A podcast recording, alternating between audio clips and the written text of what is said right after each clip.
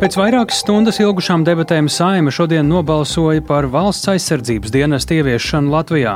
Par ko raisījās asākās debatas un kāda tad būs iesaukšanas kārtība, to jau pēc brīža plašāk skaidrosim raidījumā pēcpusdienā. Turpinoties Krievijas iebrukumam Ukrainā no agresora nāks ciest arī Helsonas pilsētai Ukrainas dienvidos. To no okupētās teritorijas šķir tikai Dņepra. Radījumā pēcpusdienā jau pēc brīža sazināsimies ar mūsu korespondentu Helsonā. Rīgā uzvaras parkam ir jāatgūst tā vēsturiskā un idejiskā nozīme par godu uzvarai pār bermontiešiem, bet vispirms tas būs atpūtas parks, tā paziņojusi Rīgas dome. Parks joprojām ir atdots iedzīvotājiem. Arī par to tūdaļ ziņu raidījumā pēcpusdienā kopā ar mani Tāli Eipuru.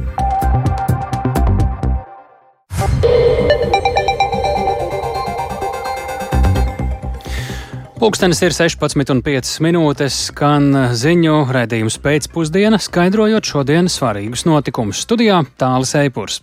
Jau šovasar Latvijā sāks ieviest valsts aizsardzības dienestu. Tā šodien galīgajā lasījumā lēmusi Saima. Pirmais iesaukums būs 1. jūlijā, un tajā tiek gaidīti 300 brīvprātīgie. Turpmākajos gados jauniešu dienestam izraudzīs arī izlozēs. Vairāk Jāņa Kīņša sagatavotajā ierakstā.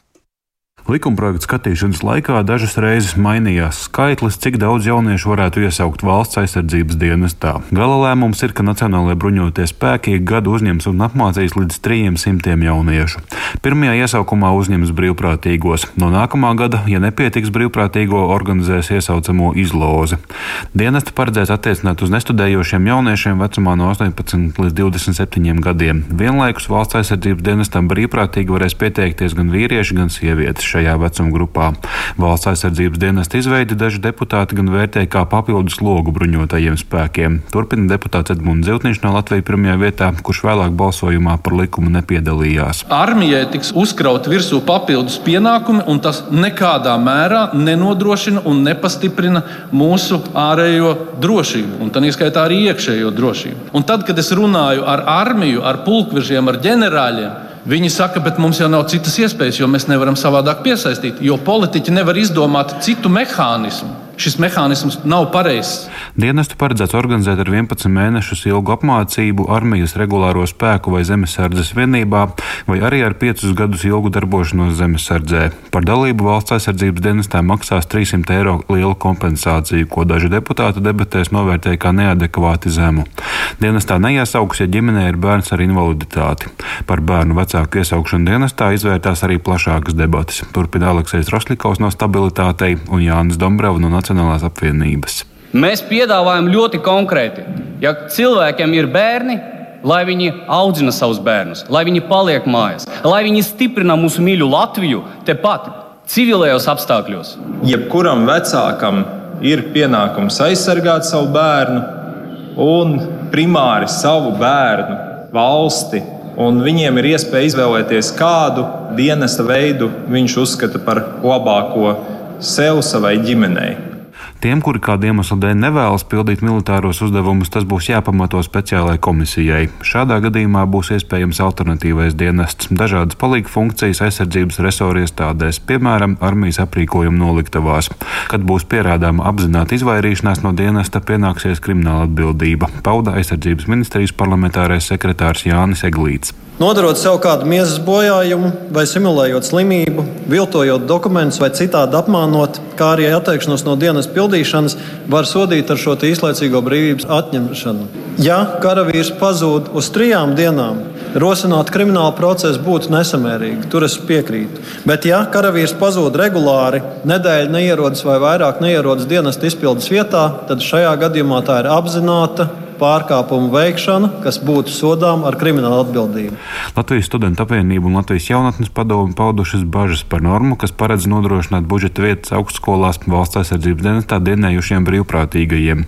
Tas diskriminē šo daļu jauniešu un likums būs jālabo, uzsvēra deputāts Andris Sprūts no progresīvajiem. Nu, mums ir jāsakārto sistēma, kā tiek piešķirtas budžeta vietas kopumā. Jo šobrīd budžeta vietas tiek piešķirtas pēc akadēmiskajiem kritērijiem. Nu, ja mēs reiz radām papildus kritērijas brīvprātīgumu valsts aizsardzības dienestā. Atkal cienījams kritērijs, bet tajā pašā laikā, protams, kad tas sāk jaukt ārā visu sistēmu, arī mēs pasvītrosim no savas puses, ir svarīgi novērst diskrimināciju. Ja cilvēks eh, veselības apstākļu dēļ vai kāda cita apstākļu dēļ nevar dienēt, nevar būt par brīvprātīgo, pat ja viņš to ļoti vēlētos, nevar viņam principā mazināt iespējas iegūt budžeta vietas eh, savām studijām augstskolā. Brīvprātīgo pieteikšanās valsts aizsardzības dienesta pirmajam iesaukumam notiks līdz 15. maijam.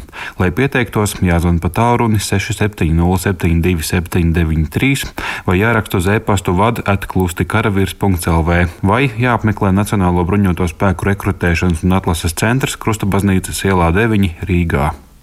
Jānis Kincis, Latvijas Radio. Bet vai gādāšana par valsts drošību vienmēr ir samērīga un pietiekami demokrātiska? Dienesta vajadzībām paredzēto informāciju plāno padarīt par valsts noslēpumu. Tā konceptuāli ir lēmusi saima par spīti mediju un nevalstisko organizāciju bažām.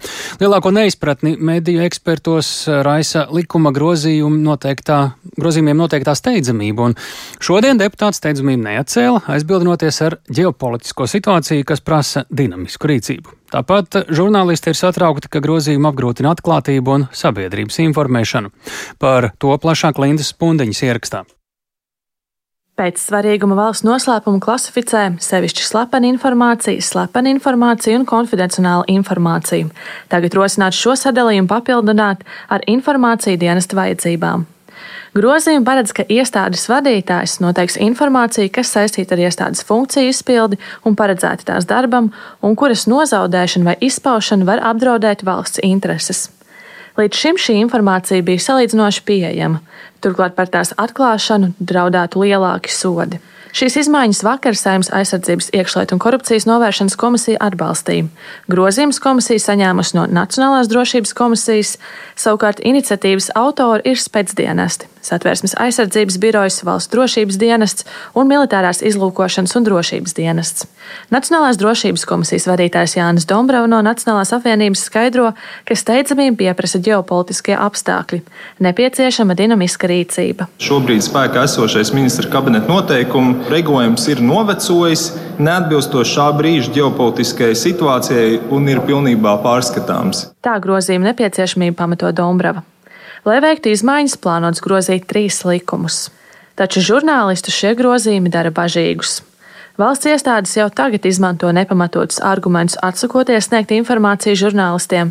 Izmaiņas mazinās jebkādu atklātību un sabiedrības informēšanu, norāda Latvijas žurnālistu asociācijas valdes priekšsēdētāja Zane Mače. Šie likuma grozījumi valsts pārvaldību pēc mūsu domām varētu padarīt vēl mazāk atklātu. Un eh, mēs bažījāmies, ka praksē tas var nozīmēt to, ka iestādes var zem valsts noslēpuma palikt nu, visu, ko viņi nevēlas kāda iemesla dēļ atklāt. Nu, kas, protams, diezgan nopietni apgrūtinātu žurnālistu darbu, jo tas nozīmē, ka šī piekļuve nebūtu iespējama ne tikai žurnālistiem, bet arī vispār NVO un nevalstiskām organizācijām kā tādām. To visticamāk nevarētu arī tiesas ceļā pieprasīt, ko mēs šobrīd varam, ja nu saziņā ar iestādi tas nav izdevies. Žurnālistu asociācija aicināja saimā nenoteikt steidzamību likuma grozījumiem un organizēt diskusiju par tiem ar nevalstiskajām organizācijām un žurnālistiem, iesaistot arī Tieslietu ministriju.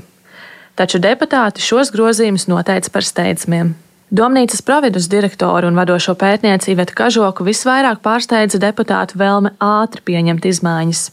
Viņai nav skaidrs, kāpēc tik būtisku grozījumu gatavošanā neiesaista organizācijas, kas šo informāciju izmanto. Un, ja es pareizi saprotu, nebūs arī tiesu uzraudzības par to, cik pamatoti tad iestāžu vadītāji kādai sev par slepenu uzskatītai informācijai šādu status piešķir. Un tas vien, ka saima uzskatīja, ka tas ir principā iespējams šāda veida regulējums saimā pieņemt, nu, principā vienas dienas laikā mani pārsteidz, jo tas nav tas parastais stils stils, kā strādā šī saima vai iepriekšējie saima sasaukumi. Saima tomēr mainīja iepriekš rosināto priekšlikumu iesniegšanas ilgumu pagarināt, nosakot to nevis vienu stundu, bet gan ļaujot priekšlikumus uz otro galīgo lasījumu iesniegt līdz 11. aprīlim.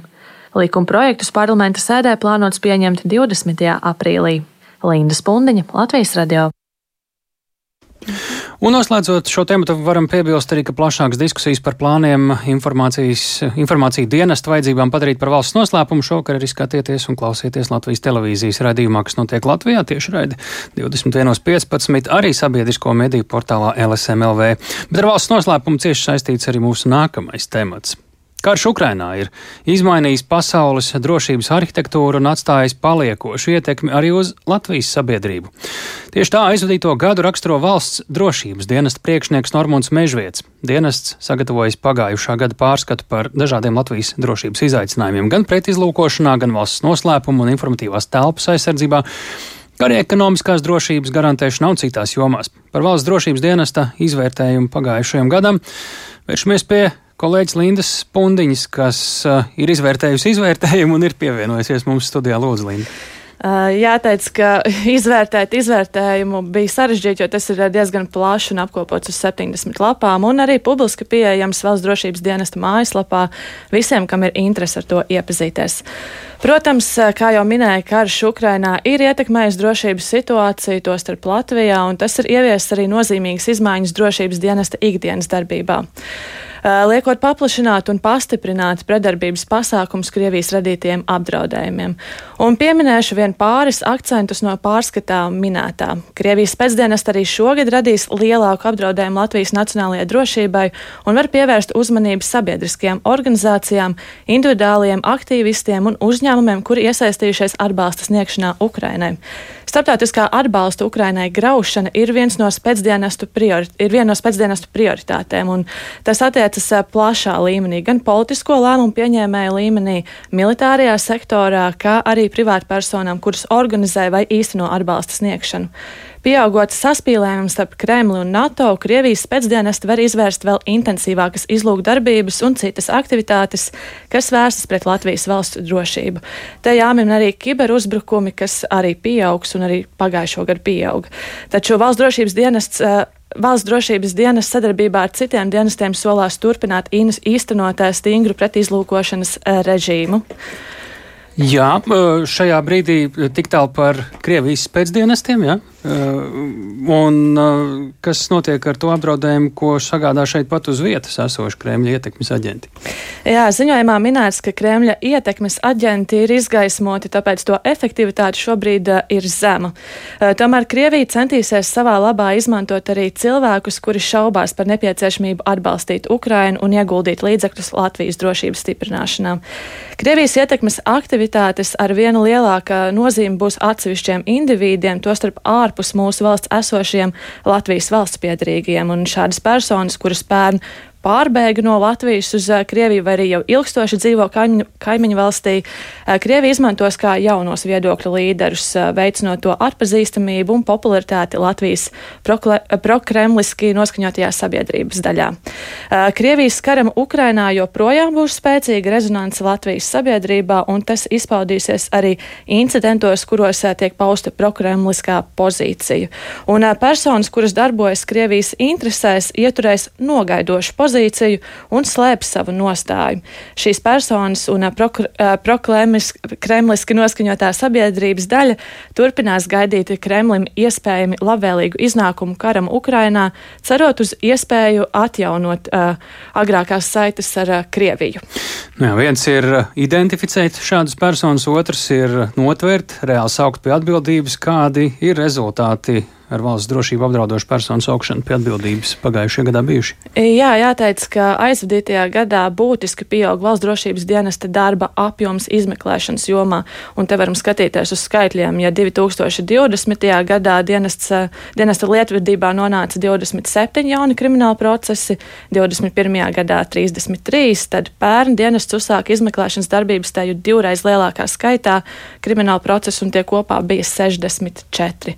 Un, pērn bērnu dienests no šiem 64 procesiem 26 uzsāka saistībā ar personu publiskiem izteikumiem, kuros saskatīja kara noziegumu attaisnošanu, attaisnošanu un slavināšanas pazīmes. Un papildus valsts drošības dienests uzsāka vienu kriminālu procesu saistībā ar aizdomām par Latvijas valsts piedrīgā pretiesisku piedalīšanos kara darbībā Ukrainā, sniedzot atbalstu Krievijas bruņotajiem spēkiem. Un arī gribu pieminēt par spiegošanu un aizvadītajā gadā spēcdienestu darba, darbības rezultātu rezultātā. Četrus vīriešus atzina par vainīgiem pret Latvijas valsts drošību vērstās darbības rezultātā. Un, tiesa gan tri, trim no šīm četrām personām viņus aizturēja jau 2021. gadā.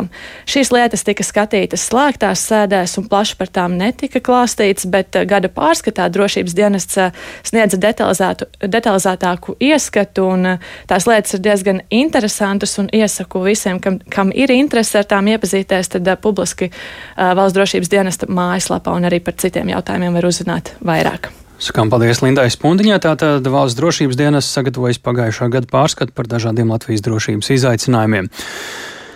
Turpmākā palīdzība Ukrainai šodien bija viens no centrālajiem tematiem NATO ārlietu ministru sanāksmē Briselē. Tajā klāt bija arī Ukrainas, Austrālijas, Jaunzēlandes, Dienvidkorejas un Japānas ārlietu ministri.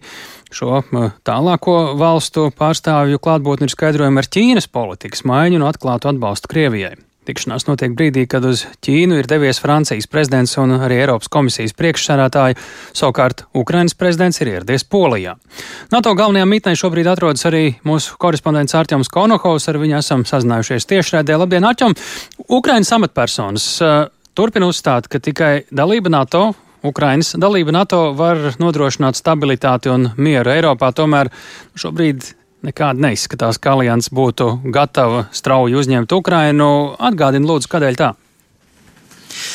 Labdien! Tik tiešām šobrīd neizskatās, ka Ukraina ar Ukrainas vēlmi pievienoties NATO varētu sadzirdēt un atrast tādas dzirdīgas ausis šeit Briselē NATO gaitiņos, un par to nevar vienoties 31 alianses dalībvalsts, un tas ir kaut vai viens iemesls, kāpēc Viļņā Ukraina nesaņems formālu uzaicinājumu pievienoties NATO un uzsākt šo ceļu.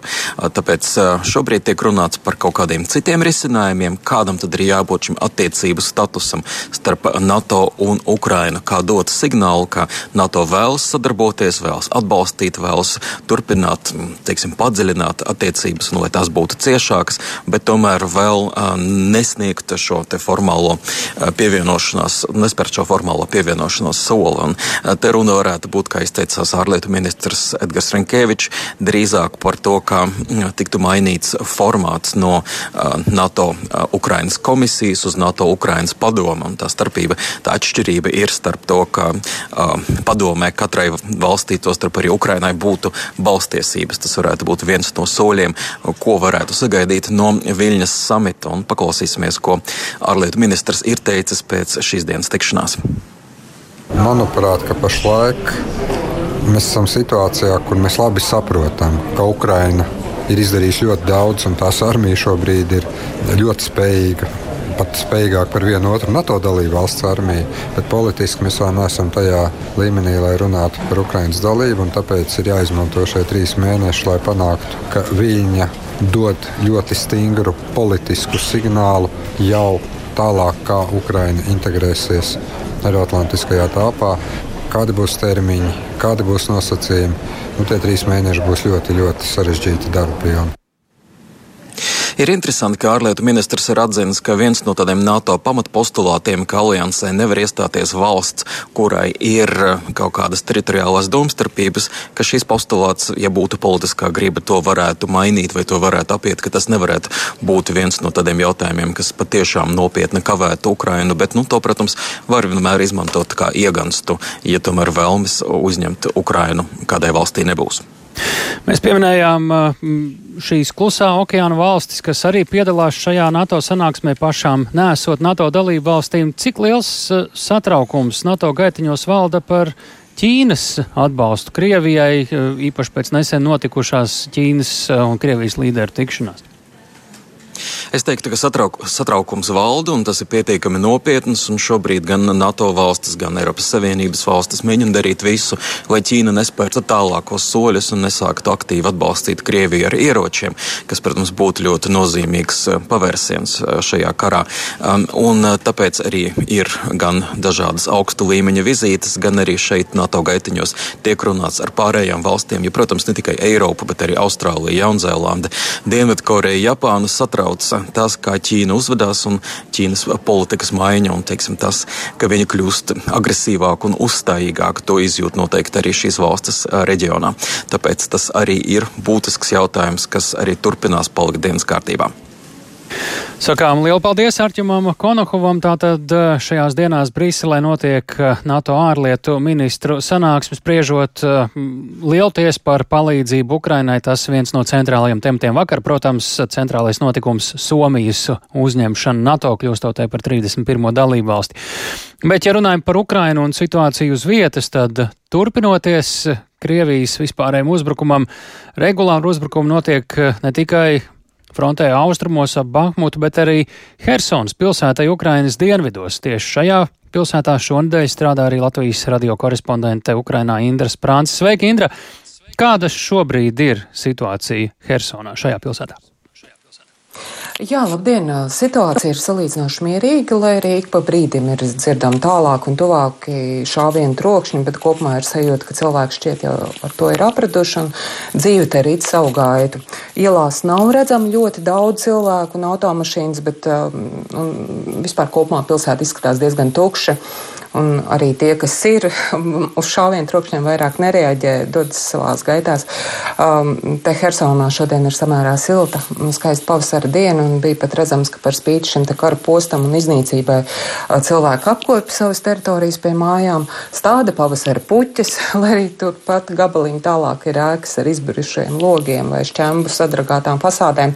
Tad diezgan seriāli sajūta. Man šodien sanāca aprunāties arī ar dažiem vietējiem iedzīvotājiem un viņi visi atzīst, ka īsti droši jau tas šobrīd pilsētā nav, bet katram ir sava apsvēruma, kāpēc paliek, un lielā mērā tas saistās ar tādām cerībām par to, ka šobrīd jau sliktākais ir aiz muguras, un, un, un, un tagad turpmāk būs arvien labāk. Bet, protams, ir ļoti sāpīgi noraudzīties to, ka okupācijas karaspēks joprojām cenšas izpostīt visu vēl funkcionējušu Helsonas infrastruktūru. Tas ir novērojams visu šo laiku, kopš Krievijas karaspēks atkāpās no Helsonas un ir mērķēti šāvieni pa visu dzīvo, dzīvošanai nepieciešamo infrastruktūru, tajā skaitā arī vairākām slimnīcām tieši pēdējā laikā. Paklausīsimies mazu fragmentiņu no intervijas ar diviem iedzīvotājiem. Больницы Это вообще это цель у них. Nu, на прошлой неделе у нас больница. Slimnīcas ir viņu mērķis. Pagājušajā nedēļā vienā naktī uz slimnīcu, kas apkalpoja laikam trešo daļu pilsētas, raidīja piecus lādiņus. Viens, tas var gadīties nejauši, var arī divi gadīties nejauši, bet kādus piecus uz vienu vietu, tas taču ir mērķtiecīgi. Slimnīcas nav, skolas nestrādā. Man nav argumentu, lai pat mēģinātu to pusi attaisnot. Viņi nav cilvēki. не людей, все. Знаете, присутствие их э, физическое конкретно тогда, в тот период оккупации, и то, что они где-то там хотя бы... Ziniet, viņu klātbūtne okupācijas periodā un tas, ka viņi ir tagad kaut kur aiz upes, tā ir jūtama starpība. Būs vieglāk, kad karš vispār beigsies.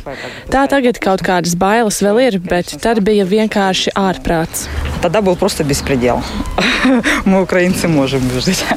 Мы можем выжить, потому что... Mēs, Ukrāņi, varam izdzīvot. Mēs varam izdzīvot, jo mūsu ekonomika nav tāda, lai mēs varētu atļauties kā Eiropā aiziet uz kādu kafejnīcu paēst. Mēs vēl esam tajā līmenī, kur paši gatavo no kaut kā. Viss kaut kā tā, kā mājās. Вот так вот, все по-домашнему. Jā, un es šodien apmeklēju arī humanās palīdzības punktu, ko organizē nevalstiskās organizācijas. No rīta iebraucot pilsētā, tur arī bija redzama rinda pie šī punkta. Cilvēki stāvēja rindā pēc palīdzības. Un, uh, darbinieki stāsta, ka palīdzība ir nepieciešama ļoti regulāri, un tā ir patiešām ļoti svarīga, lai, lai iedzīvotāji, pilsētas iedzīvotāji varētu pārlēst šo periodu. Paklausīsimies mazu fragmentiņu no intervijas ar šī palīdzības centra darbinieci. Бывает и 30, бывает и 50 человек. То есть, ну, каждый день это по-разному. Mēdz būt 30 un mēdz būt 50 cilvēki dienā. Katru dienu savādāk. Brīvdienās ir mazāk, jo tad transports nekursē. Потому что транспорт не ездит. Un kas cilvēkiem ir vajadzīgs? Химия, корма для животных, продуktовые наборы. Sadzīves ķīmija, dzīvnieku barība, pārtikas pakas. Tāpat pie mums nāk cilvēki un ņem mantas. Te viss ir bezmaksas un tiek izsniegts neierobežotā daudzumā в неограниченном количестве. Ka iedzīvotāji var saņemt arī valsts atbalstu, mm, tiek piešķirta tāda kā certifikāti, par kuriem veikalos var nopirkt pārtiku. Taču, protams, tas ir tikai tik daudz, lai varētu izdzīvot un kaut kā pārdzīvot šo periodu. Jā, Indra, vai iedzīvotājiem ir arī kādi ierobežojumi nemitīgo uzbrukumu dēļ, ko viņi drīkst, ko viņi nedrīkst darīt? Helsinas administrācija šobrīd ir aizliegusi ģimenēm ar bērniem apmeklēt vairākus ciemus Helsinas apgabalā, tātad tuvā apkaimē, kur uzbrukuma intensitāte ir vēl lielāka nekā pilsētā. Viņi norāda, ka bērniem nav vietas karadarbības skartajās teritorijās, un šis jautājums sāsnājies šobrīd, jo pašlaik ir skolēnu brīvdienas un izveidosies diezgan tāda paradoxāla situācija. No vienas puses vietvārds dara visu, lai ģimenes ar bērniem izvest no šiem karstajiem punktiem, un no otras puses ir jau redzama kaut kāda maza plūsma atpakaļ atpakaļ atpakaļ uz viņu mājām, uz vietām, kur viņi ir mituši. Un, un tāpēc uh, vietējā pašvaldība dara visu, lai, lai to visu ierobežot. Uh, ir arī dažādi citi ierobežojumi. Pie, piemēram, nu pat ir pagarināts alkohola tirzniecības uh, ierobežojums. Stipros dzērienus šajā apgabalā var nopirkt tikai līdz trījiem pēcpusdienā, un tā būs arī turpmāk vēl kādu labu laiciņu. Tāpat vietvēr ir ļoti noraizēsies par to, kā notiks lieldienu atzīmēšana. Un uh, Helsonas apgabalā ir noteikts aizliegums apmeklēt apmeklēt dievkalpojumus komandants stundas laikā, un arī tad stingri pieteikts iedzīvotājiem aizliegums apmeklēt kapsētas. Un, un tā nu reiz ir tā vieta, kur Krievijas karaspēks atkāpjoties, arī daudzie citur ir, ir līdzīgi rīkojies, tātad viss ir nomīnēts. Un, Un, un cilvēki, dodoties pie saviem tuviniekiem, riskē zaudēt vai nu savas dzīvības, vai arī tikt smagi sakropļot. Diemžēl, jā. Tas... Nu, ļoti daudz uh, vēl varētu par šo jautāt. Gaidīsim tavus turpmākās reportāžas no Hersonas. Uh, mēs sakām paldies Indrai Sprancei, kur šobrīd atrodas šajā pirms vairākiem mēnešiem atbrīvotajā Ukrainas pilsētā. Bez Krievijas iebrukuma Ukrainā Latvijā nebūtu aizvākti daudzi Krievijas un Padomju Savienības simboli. Rīgā uzvaras parkam ir jāatgūst tā vēsturiskā un ideiskā nozīme par godu uzvarai par bermontiešiem vienlaiks pēc pieminekļa nojaukšanas parkam pagaidām vajag atpūsties. Tā šodien ir pavēstījusi Rīgas doma. Ko šādi plāni un apsvērumi nozīmē un kāds turpmāk būs uzvaras parks, plašāk klausāmies Agnijas Lazdijas ierakstā.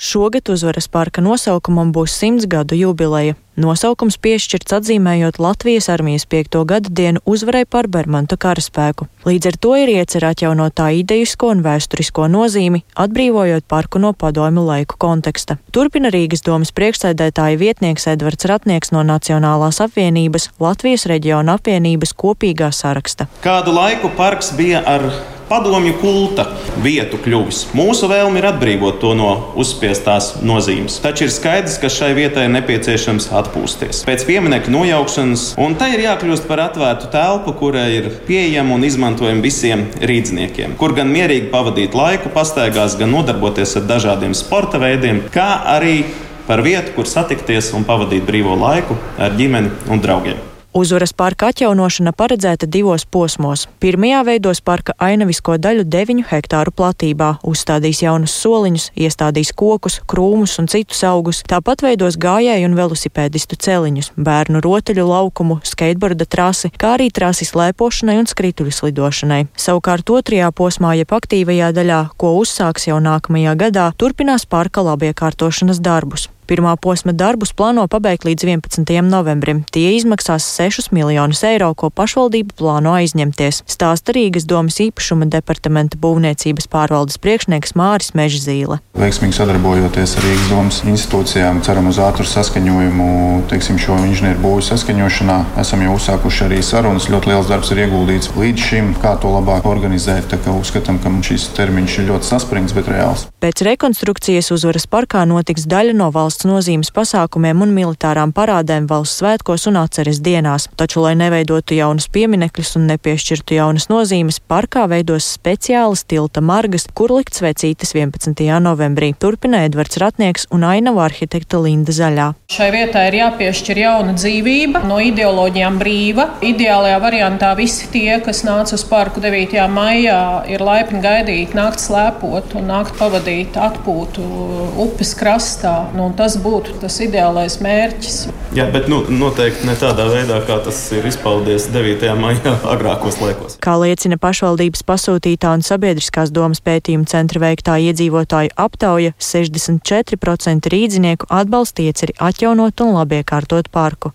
Agnija Lazdiņa, Latvijas radio.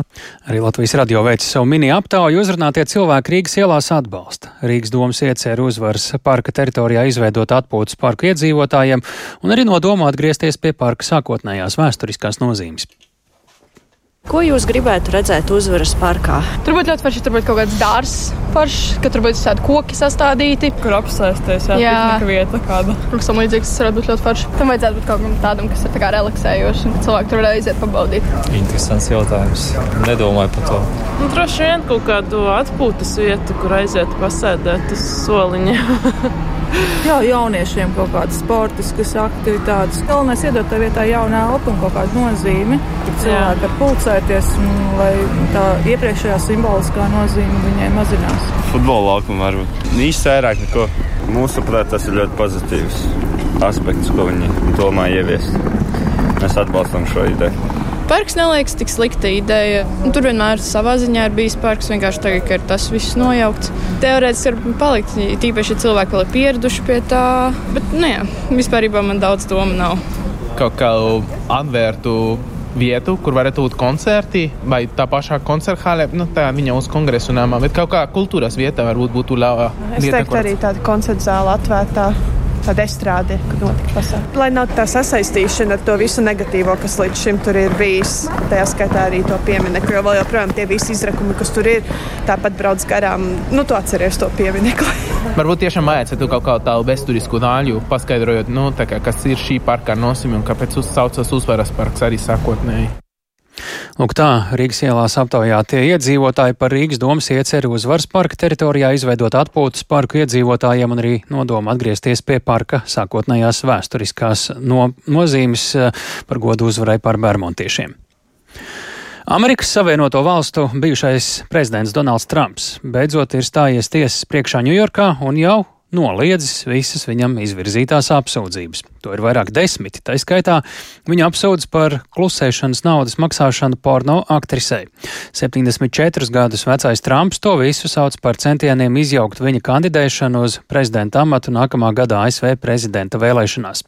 Trumpa advokāti apsūdzībām nesaskata nopietnu pamatu un sola turpināt censties apturēt lietas virzību tiesā. Plašāk stāsta Rihards Plūme. Manhetenas tiesā Donalds Trumps ieradās vakar pēcpusdienā pēc vietējā laika. Sākotnēji viņam tika noņemti pirkstu nospiedumi un tika veiktas arī citas nepieciešamās procedūras, bet pēc tam viņš devās uz tiesas zāli, kur tika nolasītas krimināla apsūdzības 34 punktos. Bijušais prezidents tiek apsūdzēts uzņēmē darbības dokumentu viltošanā, no kuriem daži esot sagrozīti saistībā ar nodokļiem. Tāpat ir vairākas apsūdzības, kurās dažādām personām maksāta tā dēvētā klusēšanas nauda par informācijas noklusēšanu. Lūk, ko par apsūdzībām teica Manhetenas apgabala prokurors Alvins Braks. Under New York state law, it is a felony to falsify business records. Saskaņā ar Ņujorkas štata likumiem uzņēmēja darbības ierakstu viltošana ar nolūku krāpt un slēpt citu noziegumu ir noziegums. Tie ir smagi noziegumi Ņujorkas štatā. Neatkarīgi no tā, kas jūs esat, mēs nevaram un nevarēsim normalizēt nopietnu noziedzīgu rīcību. Patiesi un precīzi biznesa ieraksti ir svarīgi visur un tie ir vēl svarīgāki Manhetenā, pasaules finanšu centrā. Pēc aptuveni stundu ilgās tiesas sēdes beigām Trumps tika atbrīvots, nenosakot nekādus ierobežojumus. Līdz ar to viņš atstāja tiesas namu, nekādus komentārus nesniedzot. Taču vēlāk, kad ieradās Floridā, uzrunā atbalstītājiem viņš nosodīja apsūdzības un uzsvēra, ka prokuratūra cenšoties izjaukt viņa kandidēšanu uz prezidenta amatu nākamgad gaidāmajās vēlēšanās anything like this could happen in America. Never thought it could happen. The only crime that I have committed is to fearlessly defend our nation from those who. Es nekad nedomāju, ka kaut kas tāds varētu notikt Amerikā. Nekad nedomāju, ka tas varētu notikt.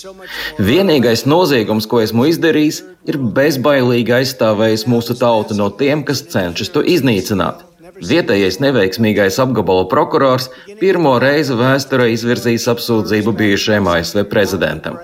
Pamatojoties uz to, kā teica katrs eksperts un juridiskais analītiķis, te nav lietas satura. Nav. Praktiski visi to turpināja teikt. Visi teica, ka tā nav apsūdzība. Šeit nekā nav. Man advokāti atnāca pie manis un teica, šeit nekā nav. Un viņa pat nesaka, ko jūs esat izdarījis.